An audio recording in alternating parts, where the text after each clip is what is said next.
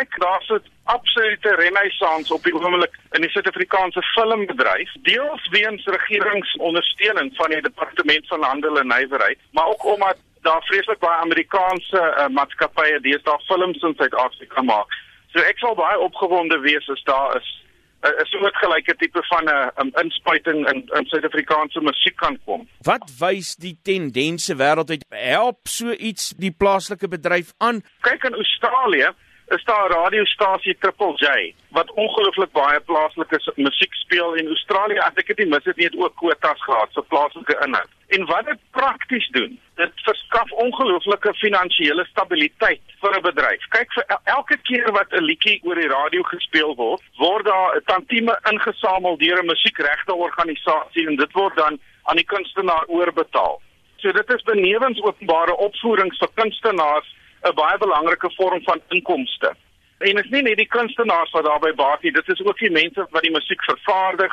Dit is mense wat die musiek skryf. So dis nie net uitvoerende kunstenaars wat wat voordeel trek daaruit. Ek ek dink oorwegend is dit 'n baie baie positiewe stap. Wat kan dit aan die gehalte van musiek doen? Kyk jy byvoorbeeld met klassieke musiek, Isak, is daar is dit byvoorbeeld word dit as plaaslik beskou as dit deur 'n Suid-Afrikaanse kunstenaar opgevoer word. So met ander woorde, as 'n Suid-Afrikaanse orkes 'n stuk Mozart speel, dan word dit as Suid-Afrikaans beskou. So ek dink dit is redelik buig in terme van wat 'n mens wat plaaslike inhoud as wat dit gedefinieer word. Wat ek nie 'n probleem is nie. Ek dink dit is belangrik.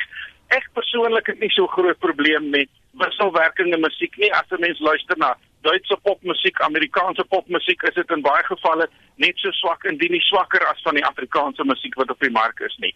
So ek dink nie ons moet fikseer op die kwaliteit van musiek nie.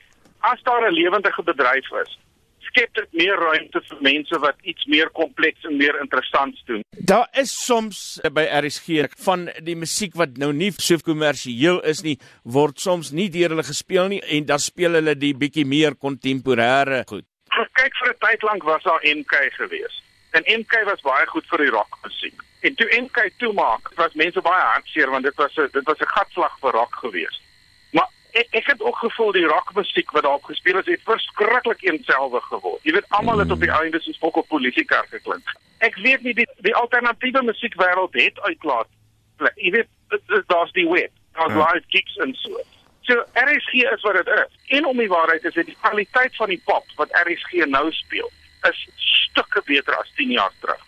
Ek weet dit is dalk cheesy, maar jy weet mense kan hoor dis goeie drums, dis goeie gitare. Hulle het goeie session DJs gebruik. Daai da mense het regtig ook hulle game geap. So dit is baie belangrik vir Suid-Afrikaanse radiostasies om in die toekoms te oorleef. Onthou in die toekoms gaan mense na radio op die internet luister. So vir Suid-Afrikaanse radiostasies om te oorleef in die toekoms is dit 'n belang om plaaslike musiek te ontwikkel en om gehore gewoon te maak daaraan en lief te maak vir Suid-Afrikaanse musiek.